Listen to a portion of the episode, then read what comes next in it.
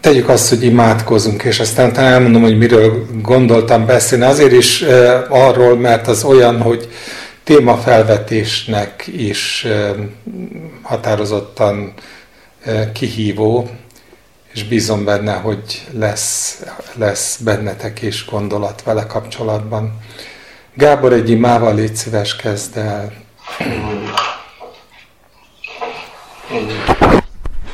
Drága mennyei Atyánk, Urunk, Istenünk, Te szent, tökéletes Isten, itt vagyunk, és kicsit megszeppenve állunk. Látjuk azt, hogy mi van körülöttünk, és pedig tudjuk, hogy nem kell megszeppenve állni, mert, mert Te ott vagy a te ott vagy a trónodon, és te tudod, hogy és tudjuk azt, hogy semmi nem történhet úgy, hogy arról te ne tudnád.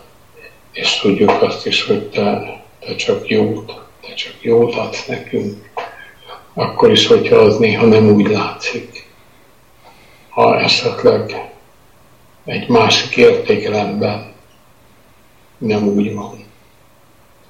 De bízunk benned, és tudjuk azt, hogy, hogy, hogy minden rendjén van ennek ellenére azért gondolunk arra, hogy, hogy, hogy milyen sokan betegek, hogy most tombol a járvány. És, és muszáj eljutottunk oda, és tudom, hogy, hogy az emberek már nagyon azt hitték, hogy hát úgy ezek a ezek a járványok, ezek legyőzésre kerültek. És most nagyon szépen megmutattad azt, hogy mit ér az ember, mit ér az ember tudása. Hogy egy kicsit szerényebben kell ezekre a dolgokra nézni. A, nem, nem szabad, hogy, hogy ahogy a a földi dolgok, és a tudomány is egy földi dolog, hogy abba vessük a bizalmunkat, csak, csak, csak te benned, csak te vagy az, akiben bízhatunk. Lung, látod, hogy ott van most a, a Zoli bátyának a felesége, és hogy hogy, hogy könnyítsd meg ezt, hogy ő most itt beteg lett. Na, Uram, Te gyógyíts. Te tudsz gyógyítani, és, és kérlek, hogy tekints le rá, és szeretettel.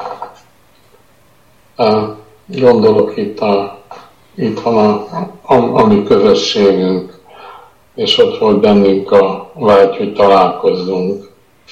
De most, most a, most a, a józan ész az azt mondja, hogy, hogy inkább ne. Én kérlek, hogy vezess bennünket abban, hogy jó döntéseket hozzunk, alátatosan, tisztán, rátekintve, és és, és abban a bölcsességgel, aminek, aminek te vagy a vezére, aminek, ami a rátekintésből, rádfigyelésből származik. Ja. Urunk, ezt a, azt, amikor így jövünk össze, te azt is nagyon olyan, olyan jól tudtad használni kérünk, formáld a szívünket, hogy, hogy tényleg csak szabadon veled legyünk közösségbe, és úgy egymással, hogy mindnyájan Krisztusra tekintsünk közbe. Amen. Amen.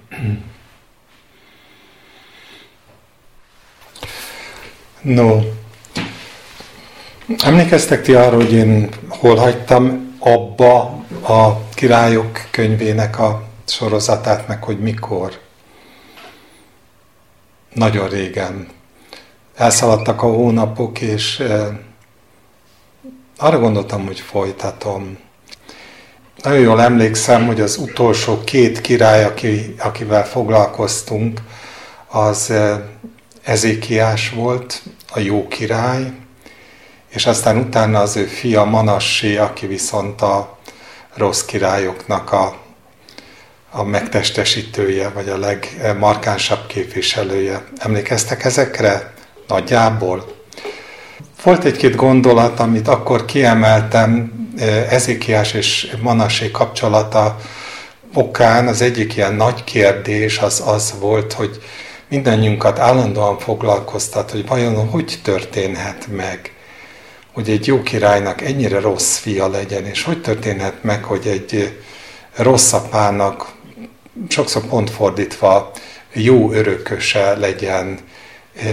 És noha nem tudjuk ezekre a kérdésekre a biztos válaszokat, azért érzékeljük, hogy hogy, hogy a Biblia állásfoglalása a jó meg a rossz ügyében az egy letisztult állásfoglalás. Nem tudok jobb szót rá használni, mint hogy letisztult állásfoglalás. Nyilván a szerkesztők egy nagyon komplex emberi életből foglalják össze azt, ami a, az isteni látószögből igazán meghatározó, miközben természetesen nem felejtkeznek el szót ejteni az egyén hibáiról is. Így módon igen, Ezékiás nagyon, nagyon jó ember volt.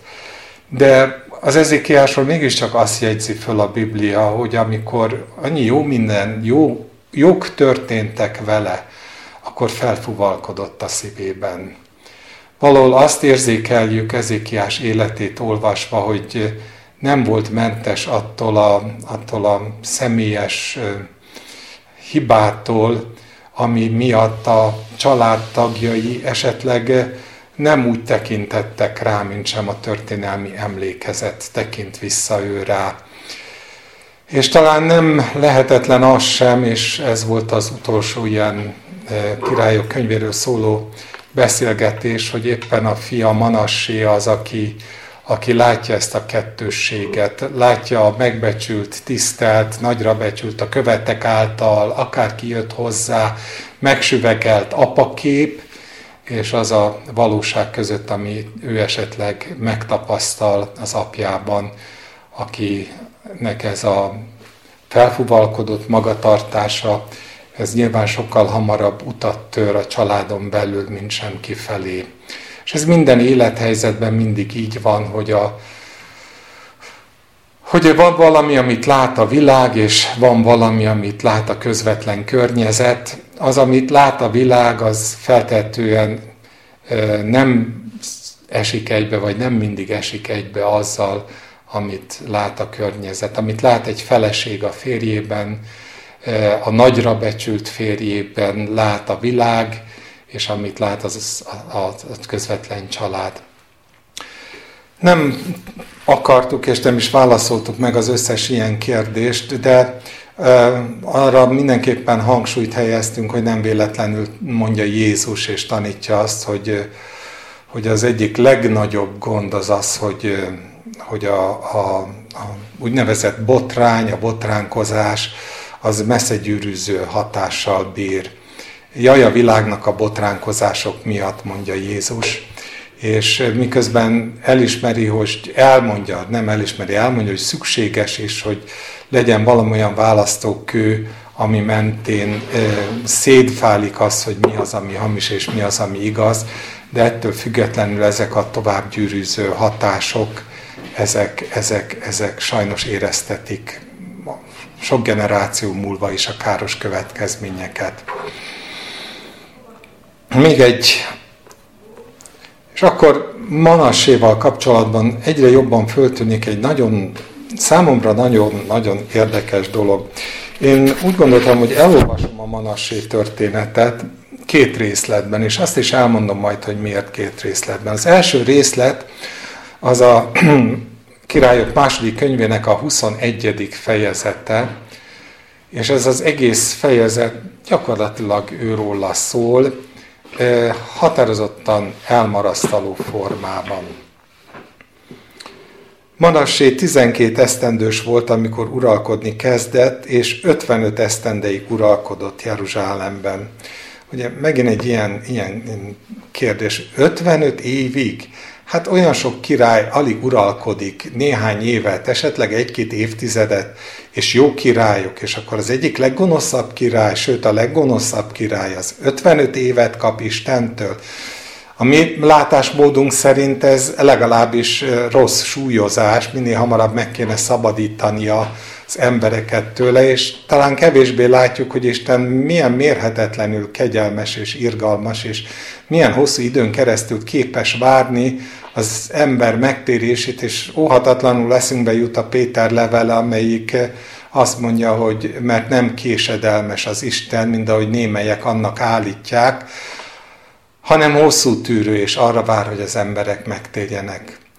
És azt tesszük föl kérdésnek, hogy jó, jó Uram, értem, de mi van a többiekkel, a megbotránkoztatottakkal? Mi van azokkal, akik emiatt, az ember miatt hagyták el a te benned vetett reményt, vagy az igaz utat, és, és, és mi azt gondolom, gyorsan, gyorsan kivégeznénk, vagy véget vetnénk a rossz életeknek, és, és abban reménykednénk, hogy akkor a többi ember élete jó lesz a rossz hatás hiány, és kevéssé tudatosul bennünk az, amiről most már hetek óta beszélünk, hogy az az Isten, aki Isten a rossznak és Isten a jónak, úgy értem, hogy a fölött áll ezeknek a fogalmaknak, és a gonosz, a sátán is csak teremtmény, és Isten ugyanúgy használni tudja, mint ahogy használja a jót, hogy ez az Isten, ez nem így tekint az eseményekre, és nem így tekint az emberekre, hanem, hanem miközben azok, akik, akik a elszenvedői a zsarnokságnak, azok életéről gondot visel, addig gondot visel a zsarnok életéről is, és mindegyiket a maga útján igazgatja, és személyválogatás nélkül mindenkinek megvan a lehetősége a megtérésre, az Isten mellett való döntése, függetlenül, hogy milyen hatások érik, hogy hányan botránkoztatják, vagy viselkednek olyan módon, amelyik az ő, ő személyes Isten hitét is látványosan alterálja, megváltoztatja, ez nem változtat azon, hogy Isten a lehetőséget mindig oda teszi eléjük. De ez csak egy rövid kerülő arról, ami, amiről szól az ige.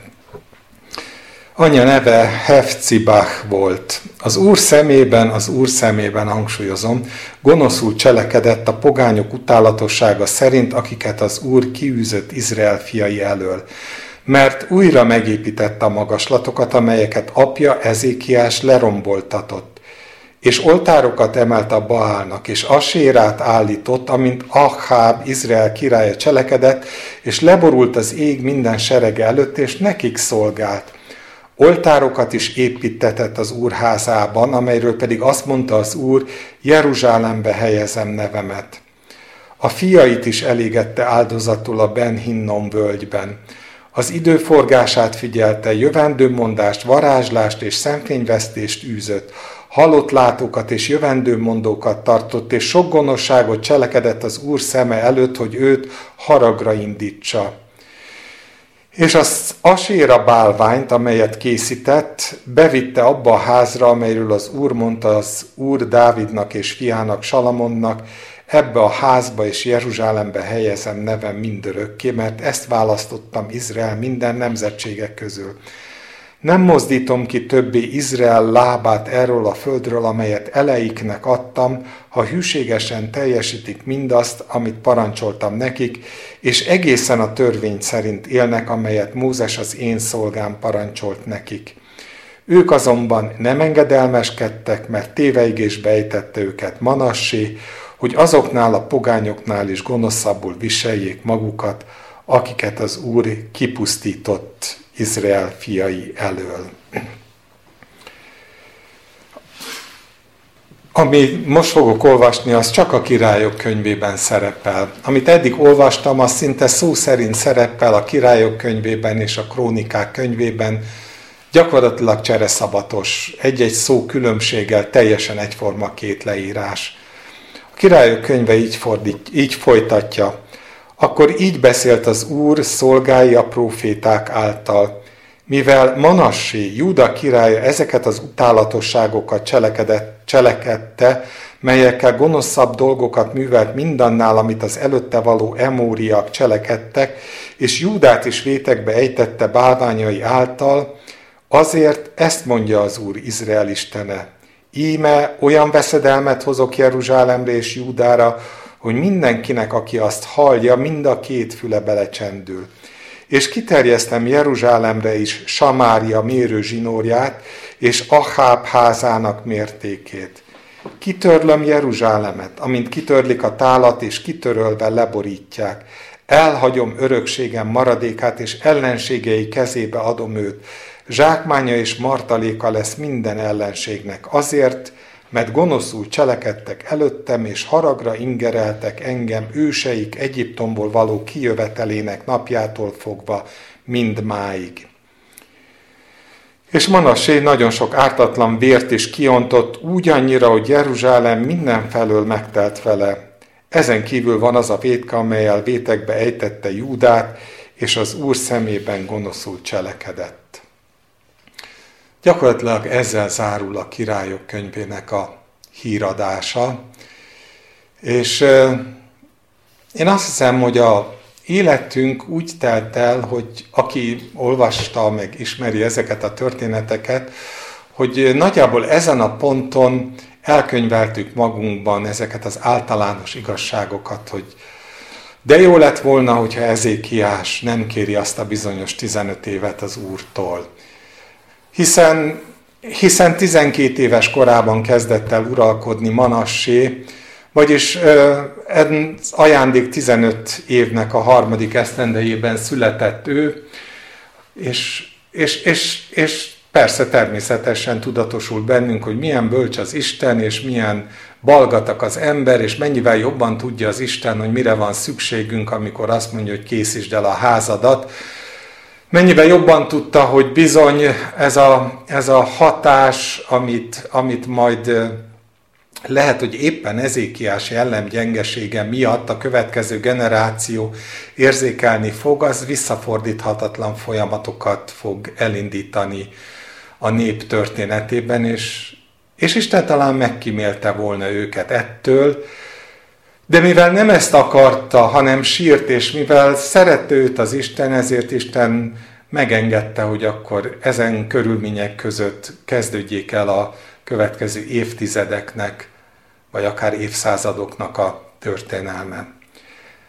De ezt tudva sem hiszem, hogy lényegesen többet tudnánk meg arról, mint sem, hogy jó az Istenre hagyatkozni, és amit ő mond, azt, azt jónak tartani, bár a mindennapi gyakorlatban bennünk továbbra is fölmerül a kérdés, hogy igen, Uram, de honnan fogom megtudni, hogy mi a Te akaratod?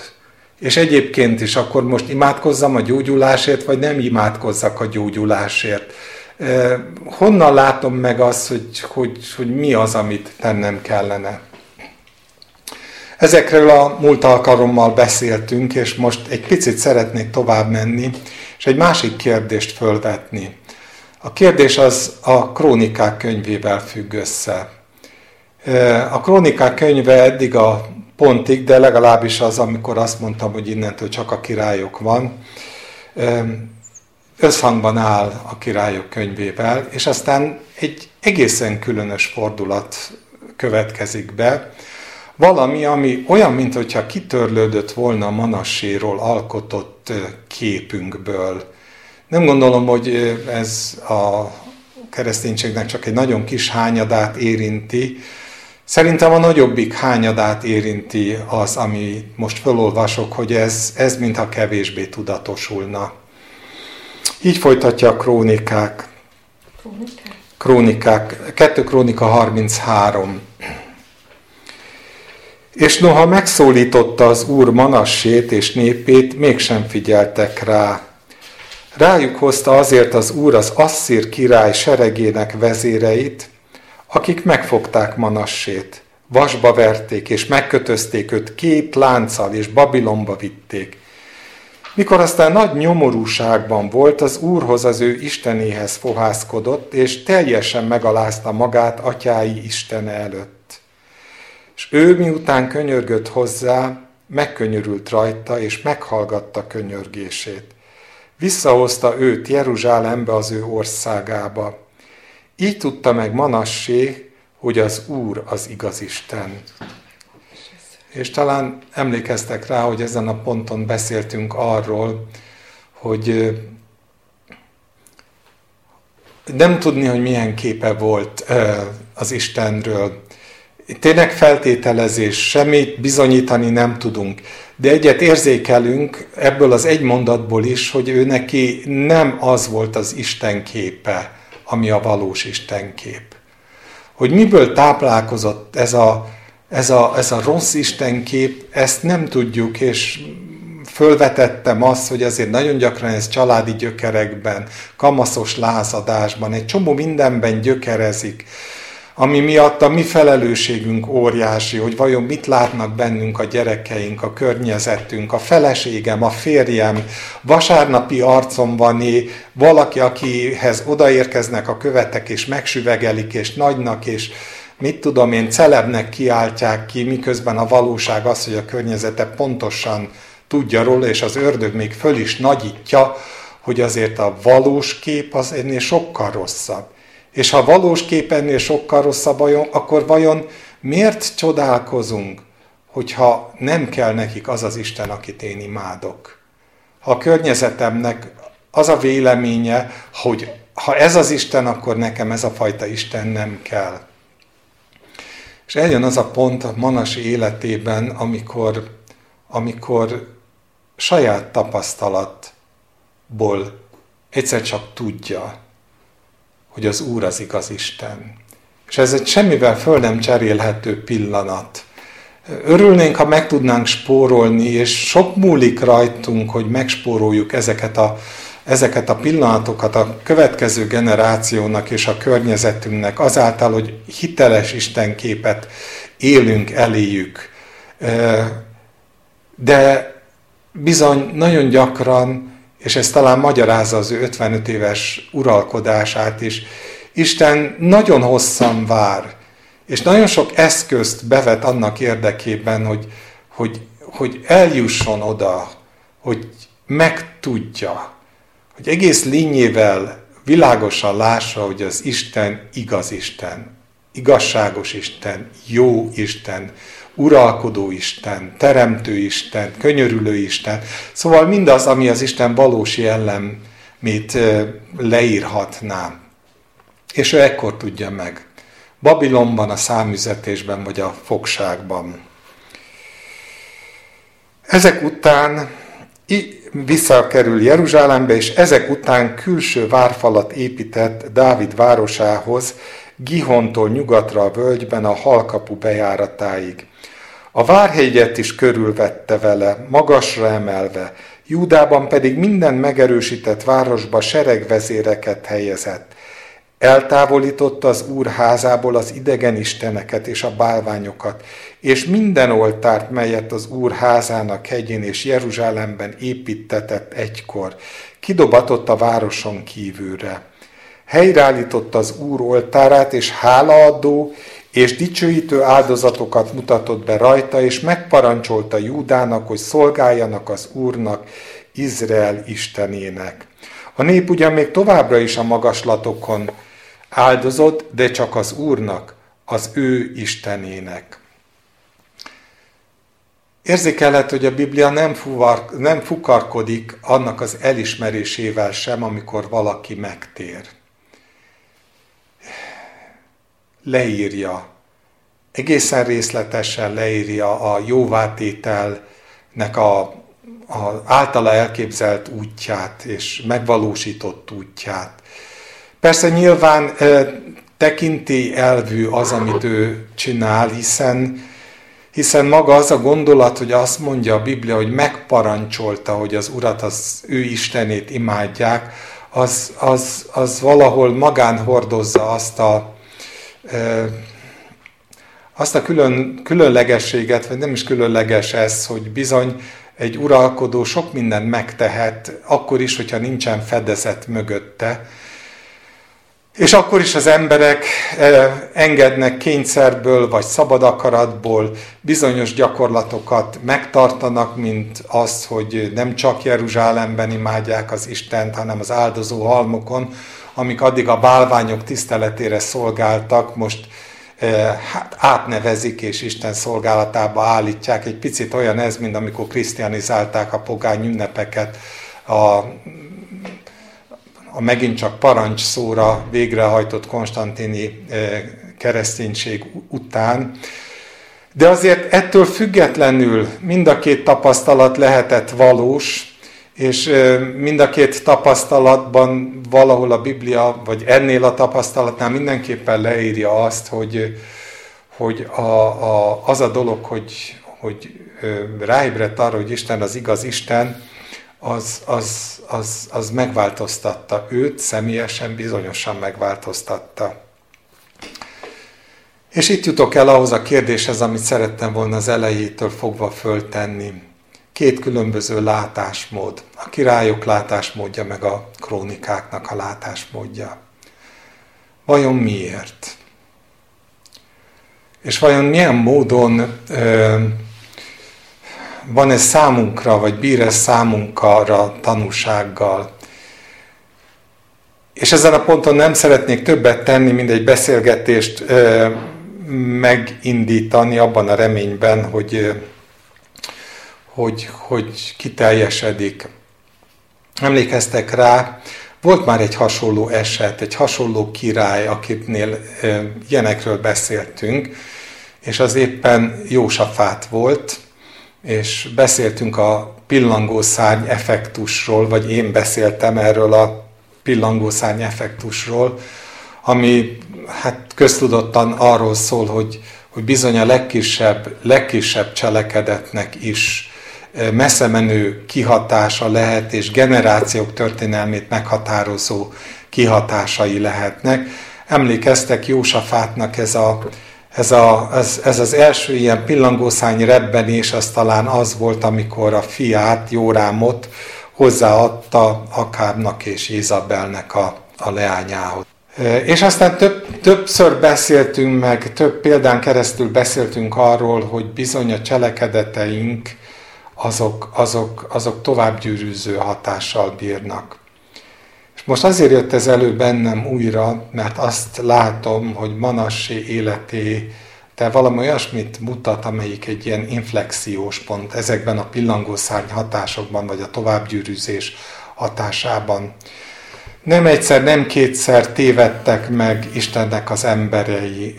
Mit tudom én, megtévedt Ábrahám, amikor, amikor, amikor nem várta meg az Istennek az igaz ígéretét, hanem megszületett Ismael, de attól Isten embere volt, és ennek a következményeit Isten kezelte és kezeli mindmáig.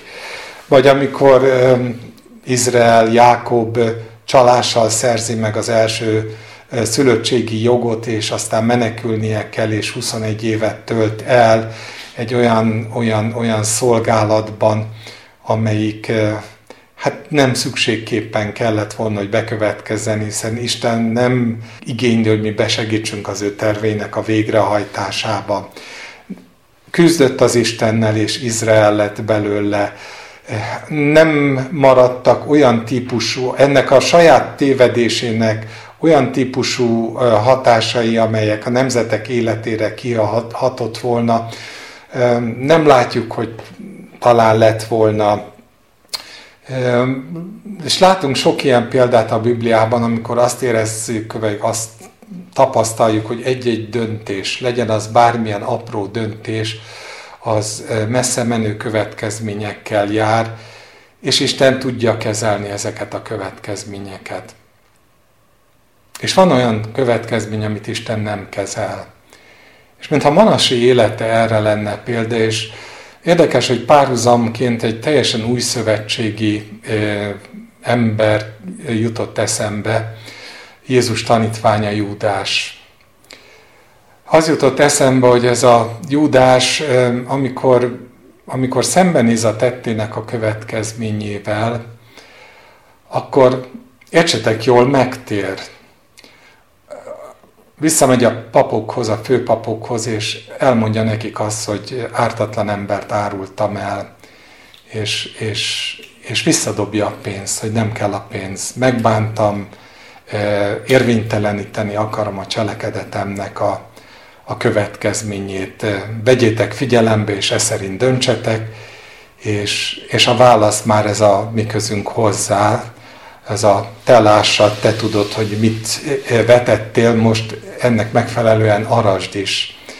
És mint hogyha Manasi élete egy picit erre hajazna, amikor azt látjuk, hogy miközben, miközben megtér, a közben mégis ez a pillangószárny hatás, ez lavinává duzzadt. Az, az, az, a, az a kamaszos lázadás, ami talán ő benne az apja ellen, vagy az apja Isten képe ellen fogalmazódott meg, Haj, de kedves Asterix és Kleopátra. No, ez csak úgy látom, hogy Gábor a gyerekeinek közben meg bekapcsol valamit. Bolbás Gábor.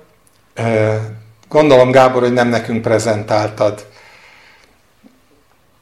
De jó volt. Na, szóval, hogy ez a, ez a, ez a kezdeti, én nem olyan akarok lenni, mint az apám, és nem kérek abból az istenképből, ami az apámé, olyan mértékben eltorzul azáltal, hogy uralkodó lesz. 12 évesen, tehát még bőven benne ebben a lázadó kamaszkorban uralkodó lesz, hatalmat kap a kezébe, és, és minden megtesz, hogy kiírtsa azt, ami ellen ő lázadt otthon, ez oda vezet, hogy jóvá tehetetlen vétekbe sodorja az embereket, akik talán szenvedői ennek, de hogy mennyire nem, át, mennyire mégis átformálja őket, arról talán éppen a krónikának ez a mondata tesz bizonyságot, hogy a nép az ő megtérése ellenére is még továbbra is a magaslatokon áldozott, de a parancs az rájuk is vonatkozott, és emiatt aztán átváltoztatták a, az Istent, akit, akit addig imádtak a magaslaton, anélkül, hogy persze tudnánk, hogy vajon, vajon a szívükben milyen változások történtek, vagy történtek-e bármilyen változások. Egy nagyon érzékletes én azt gondolom, nagyon érzékletes leírás ebből az időből, vagy ez idő körül, az az Ezékiel könyvének a 14. részében fogalmazódik meg. Arról, hogy mennyire, mennyire el tud jönni az a pillanat, amikor a dolgok megváltoztathatatlanokká válnak. 14. vers, 13. verse. És képzeljétek magatok elé most ezt a manasséi uralomnak az időszakát. Embernek fia, ha egy ország vétkezik ellenem azzal, hogy elpártolt tőlem, én pedig kinyújtom kezemet ellene, és eltöröm a kenyere botját, éhínséget bocsájtok rá, kiírtok belőle embert és állatot, tehát eljön ez az inflexiós pont, mondja Isten, és ha ez a három férfi volna is ott, Noé, Dániel és Jobb, ők is csak a maguk lelkét menthetnék meg igazságukkal, ezt mondja az én Uram, az Úr. Ha vadállatokat bocsájtanék az országra, hogy néptelenné tegyék azt, és pusztává lenne, ahol senki sem jár a vadállatok miatt, és ott volna az a három férfi, élek én, mondja az én Uram az Úr, sem fiaikat, sem leányaikat nem menthetnék meg, csak saját magukat menthetnék meg, az ország pedig pusztává lenne. Vagy ha fegyvert hoznék arra az országra, és azt mondanám, fegyver, menj át ezen az országon, és kiírtanék belőle embert és állatot, és ha ott volna is ez a három férfi, élekén, mondja az én uram az úr, sem fiaikat, sem leányaikat nem menthetnék meg, hanem csak saját magukat menthetnék meg.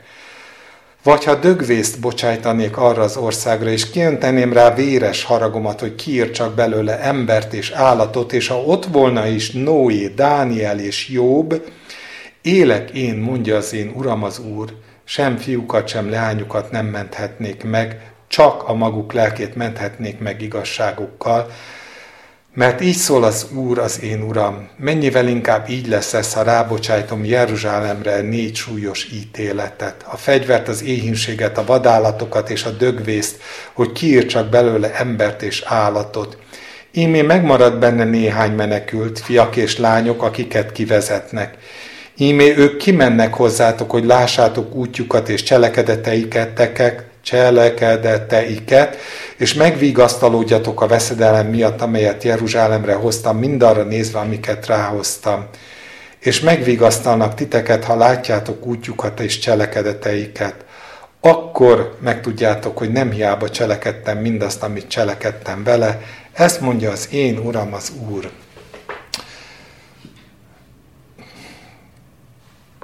Miről beszél? Kegyetlen az Isten? Ez a monoton ismétlése ezeknek az ítéleteknek, mind a négynek, amit ő felsorol, és a, a, az állandó ismétlése, hogyha ott volna ez a három igaz ember, Noé, Dániel és Jobb, akkor sem történne semmi, akkor sem válthatnák meg másokat, csak a saját maguk életét, akkor valahol az ember valamit kezd érzékelni abból, hogy mik azok a törvényszerűségek, amik uralkodnak ebben az univerzumban.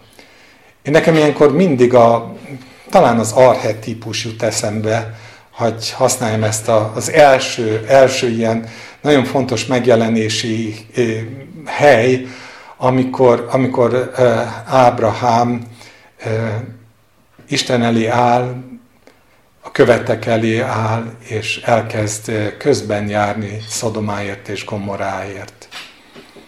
És abból indul ki, hogy hát ha vannak ott igaz emberek. Tulajdonképpen a felvetése abból a szempontból jogos, hogy ott van Lót, és ott vannak a családtagok.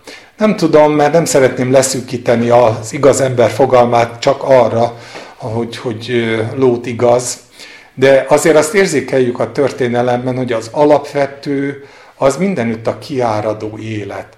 Az alapvető a, az Isten országa terjedésében az valahol, én hitem szerint, az, hogy valahol megfogan az élet, és ez az élet gyümölcstermő élet. Nem önmagában gyümölcstermő, hanem attól a valakitől, aki benne lakozik, az Isten szent lelkétől gyümölcstermő, mondjuk keresztény meghatározásban. Aki én bennem hisz, élő víznek folyamai áradnak elő annak belsejéből. És logikus arra gondolni, és persze nem jó szó a logika, de természetes arra gondolni, hogy ott, ahol Isten szava megjelenik, arról ő azt mondta az Ézsaiásban, hogy nem tér vissza hozzám üresen. Ami tőlem megy ki, ami nem teológiai tudás, ami nem szent frázisok pufogtatása, hanem az én számból megy ki, az semmiképpen nem tér hozzám vissza üresen, hanem megtermi azt, amit el, amiért elküldtem, és termővé teszi a tájat, mondja e, Ézsaiás könyvében. És mikor erre gondolok, akkor érzem, vagy értékelem talán azt, hogy, hogy ott volt ez a lehetőség a történelem minden pillanatában. Ez nem csupán egy keresztényi e, dolog, de a maguk, e, maguk környezetében, azokon a törvényszerűségeken belül, amik jellemezték mondjuk Mózestől a törvénykorszakát, vagy jellemezték a, a Mózes előtti időszakot, amikor nem volt közvetlenül törvény, de Isten jelen volt a világban, hiszen talán éppen e, jobb könyve az, ami tanúskodik leginkább arról, hogy milyen széles rétegekben jelen van az Isten e, ismerete a, a világban, akkor azért azt érzékeljük, hogy ott Szodoma és Gomora környékén is ez a lehetőség, ez egy valós lehetőség volt.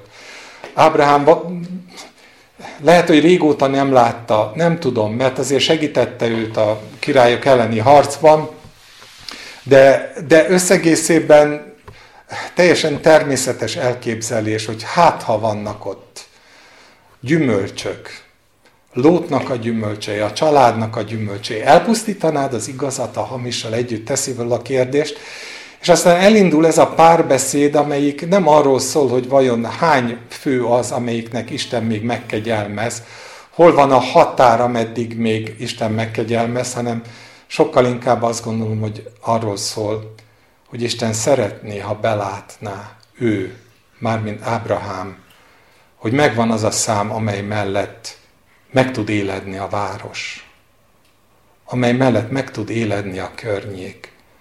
Az a szám, az a szükséges és elégséges szám, ami, ami hosszú távon nem a gonoszság uralomra jutását eredményezi, hanem az isteni életnek a terjedését eredményezi, az Isten befogadását, az Isten igazságának a befogadását eredményezi. És ezt a számot egyedül ő tudja.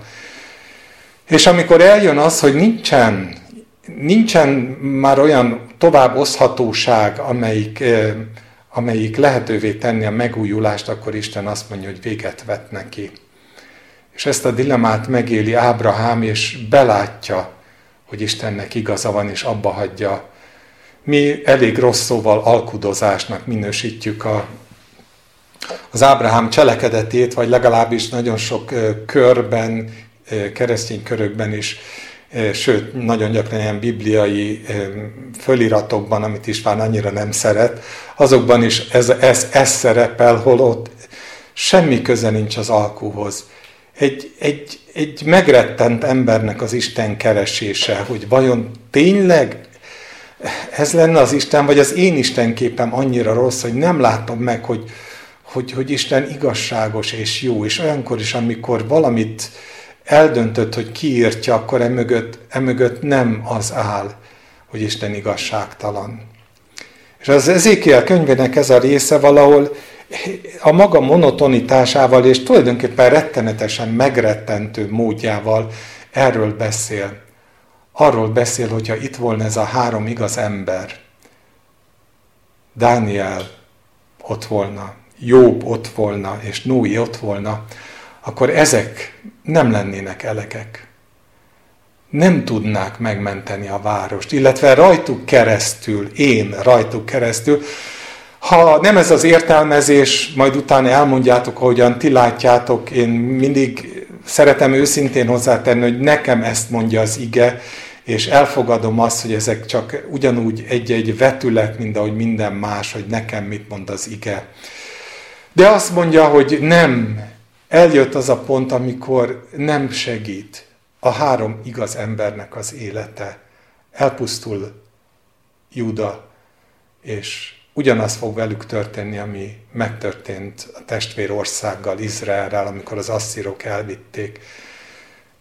És nincsen ma már három olyan élő lélek, aki, aki ezt megváltoztathatná azzal, hogy az ő élete életet visz. És tudjátok, azért annyira jelenkori üzenet is ez, mert, mert amikor visszaidézem megint a Péternek ezt a levelét és ezt a gondolatát, hogy Isten nem késik, hanem Isten türelmesen vár, amíg minden ember megtérésre jut, és amikor arról beszélünk, hogy, hogy, hogy valahol Isten azért küldött el bennünket pontosan erre a világra, övéit, hogy az övéink keresztül megpesdüljön élettel az élettelen világ, és aztán utána azt olvasjuk, hogy Jézus szoborúan beszél arról, hogy vajon amikor eljövök, akkor találok-e hitet a földön. Itt lesz ez a bizonyos Noé, itt lesz, ez a, itt lesz é ez a bizonyos Dániel, vagy ez a bizonyos Jobb, és lesznek-e sokan, akiken keresztül megváltozott volna ez a világ, vagy pedig vagy pedig eljön az, az hitehagyás, az apostáziának az az állapot, amiről aztán utána a tesszalonikai levél beszél, hogy nincs. Hogy nincs, hogy nem elég. És nincsen, és nem lehet megváltani mást, mint sem azokat az embereket, amiket már az Úr, akiket az Úr meg, megváltott és magához tud szólítani, akiket el tud vinni az elragadtatáson keresztül, akik, meg tud, akik de azt mondja, hogy nem tudnák megváltani másokat, de maguk élete megmenekült. Szóval én azt hiszem, hogy ez egy nagyon összetett gondolatkör, amiben nagyon nagy szerepet játszik az, hogy, hogy Isten tudja azt, hogy hol van az a létszám, amelyik elégséges még ahhoz, hogy, hogy további élet vetüljön bele ennek a földnek a történelmébe. És noha Manasé megtért, személyesen megtért, de azért az érzékelhető a történetben, hogy már túl volt a nép azon az inflexiós ponton, amikor a királynak a megtérése úgy valóságosan gyümölcstermő megtérés tudott volna lenni. Gyümölcsöt már valószínűleg nem tudott teremni, de megtért. A befejezés az egy, hát, hogy olvassam föl, Manassé többi dolga pedig Istenéhez való könyörgése, a látók intése, akik az Úrnak, Izrael Istenének nevében szóltak neki, ímé meg vannak írva Izrael királyainak dolgai között. Könyörgése pedig és annak meghallgatása, valamint minden védkés hűtlensége, meg azok a helyek, amelyeken magaslatokat épített, és asairákat és bálványokat állított föl, mielőtt megalázta volna magát, ímé meg vannak írva a látók beszédeiben. Nem maradtak ránk a beszédek. Sajnáljuk? Nem tudom. Azért egyet furcsán néztem, vagy olvastam, és az pedig az, hogy úgy tűnik, hogy az a, az a, az a személyes hitrejutás, amelyik, amelyik tulajdonképpen befejeződik a személyes hitrejutásnál, az Izrael Istene elismerésénél.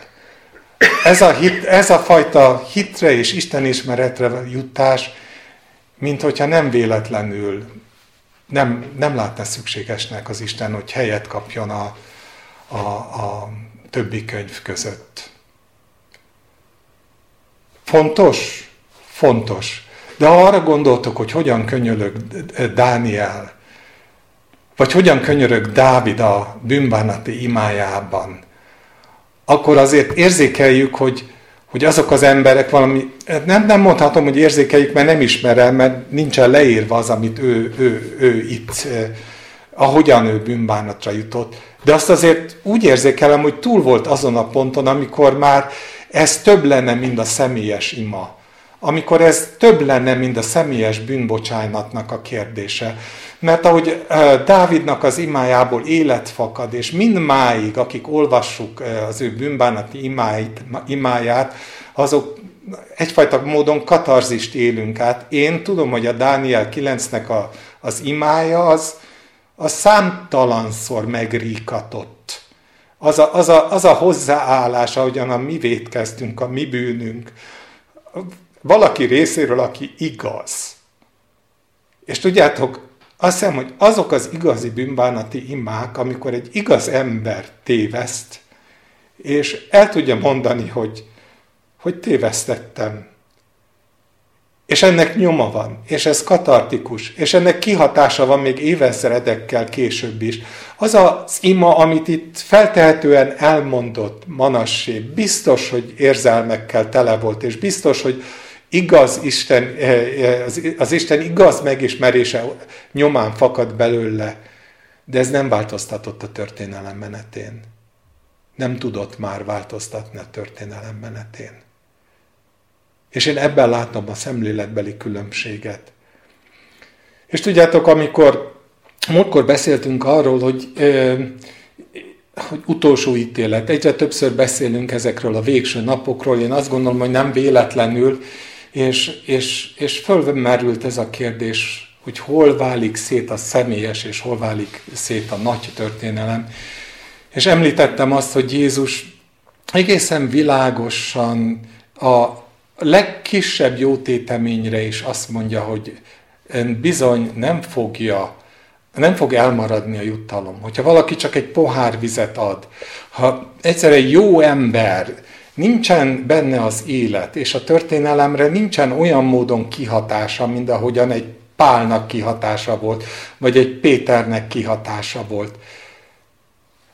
De voltak jó cselekedetei, akkor majd az utolsó ítéletkor, amikor a cselekedetekről alapján fogja Isten megítélni az embereket, nem a jogigény alapján, nem az alapján, hogy, hogy eddig az ördög azt mondta, hogy ők az enyémek, mert íme nem tudod őket meggyőzni, akkor meg fogják kapni a jutalmukat, de a történelem nem emlékezik meg róluk. Az isteni történelem nem emlékezik meg róluk mint Dávidról, vagy Dánielről, vagy Jobbról, vagy akármelyik másról. Megemlékezik Péterről, pedig Péter is elszúrta, és hogy mennyire a kicsiny kovász egész tésztát megkeleszt, arra, arra tényleg nagyon jó példa Galata levélben, amikor arról beszél Pál, hogy meg kellett, hogy intsem Pétert, mert bizony az ő képmutatása ragályos volt. Az is egyfajta pillangószárny effektus az is kiskovász, amelyik az egész tésztát megkeleszti, és bizony ő miatta elkezdett a többi zsidó is távolságot tartani a pogányoktól.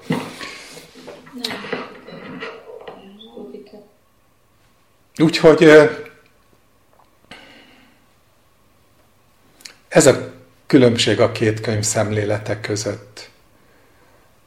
Az egyik megemlékezik arról az isteni látószögről, ahogyan a történelem, a történelemben eljátszott szerepe, és az a történelemben játszott szerepe Manasénak rossz szerep. Ténylegesen rossz szerep. A hatása a történelemre negatív. Mindegy, hogy hogyan ragozzuk negatív. Míg a krónikák könyve az tovább megy, és miközben természetesen elmondja a negatív történelmi szerepvállalását, addig azzal fejezi be, ami méltó befejezés az 55 év várakozásnak, Isten 55 éves várakozásának, hogy megtér. És ez akkor is fontos, hogyha már nem tudott életet árasztani, és Isten már nem tudta őt használni.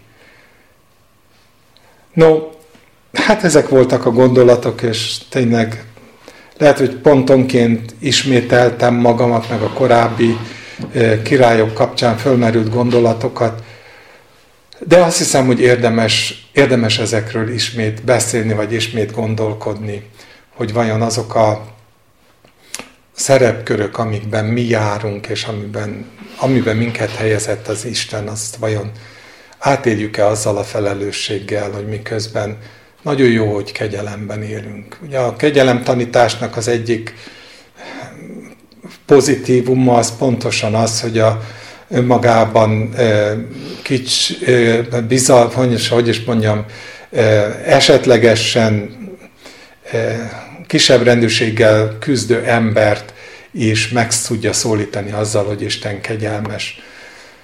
De ezzel együtt azt is látnunk kell, hogy a hátránya meg pontosan abban van, hogy, hogy hajlamosakká válunk felelőtlenné válni. Hajlamosakká válunk arra, hogy a, a kegyelem örve alatt elfelejtsük azt, hogy ha nem az Isten élete árad belőlünk, hanem esetleg botránkozást okozunk, mint ahogy a jó királyok, akár Jósafát, akár Ezékiás ezt tette, hogy ez volt az életüknek egy vetülete, és csak egy pici, tényleg pillangószárny effektusszerű védség időnként az, hogy nincs időm már a családomra, mert lefoglal a szolgálat a gyülekezetben, a, lefoglal a, a társadalmi tevékenység, akármi, teljesen mindegy, hogy mi, de lefoglal. Akkor hiába mi magunk meg, megkegyelmezettjei vagyunk az Istennek, és kegyelem a részünk, de az a történelmi hatás, ami gyakorlunk a környezetünkre, az nem mindegy, hogy az élő víznek folyamai áradnak elő annak belsejéből, vagy Jézusnak az a figyelmeztetése, hogy jobb volna annak, ha malomkövet kötne a nyakába, és a tengerbe vetné magát, mint sem, hogy meginduljon miatta a botránkozásoknak az az áradata, ami torz Istenképhez, esetleg generációkon keresztül az Isten ismeretének az elfeledéséhez vezet. Hát ebben kívánom, hogy adjon mindannyian, mindannyiunknak Isten bölcsességet. Amen.